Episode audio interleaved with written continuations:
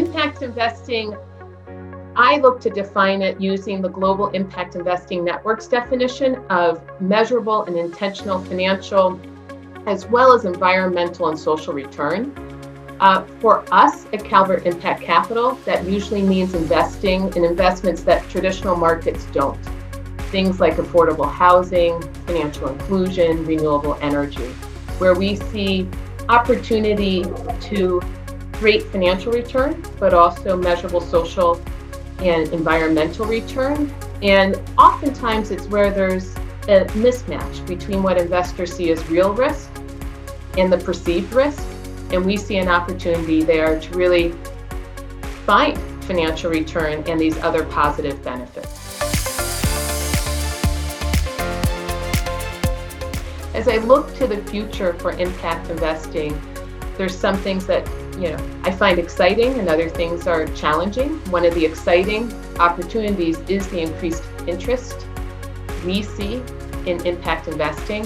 One of the challenges is having enough intermediaries, having enough plumbing, so to speak, to carry that money from investors into investments responsibly and to meet the goals of impact investing, providing financial return, but also environmental and social return.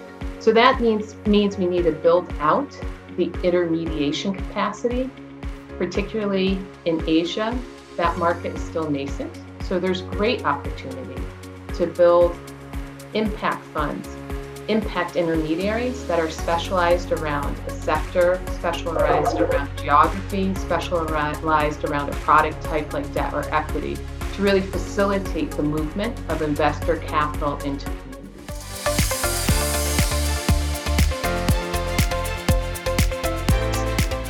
So my takeaway from the Asian Financial Forum is one of great excitement.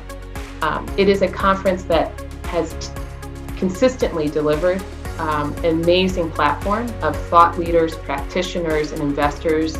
And this year, for me personally, as a practitioner in impact investing, to see the conversation of impact investing in the forum was really exciting.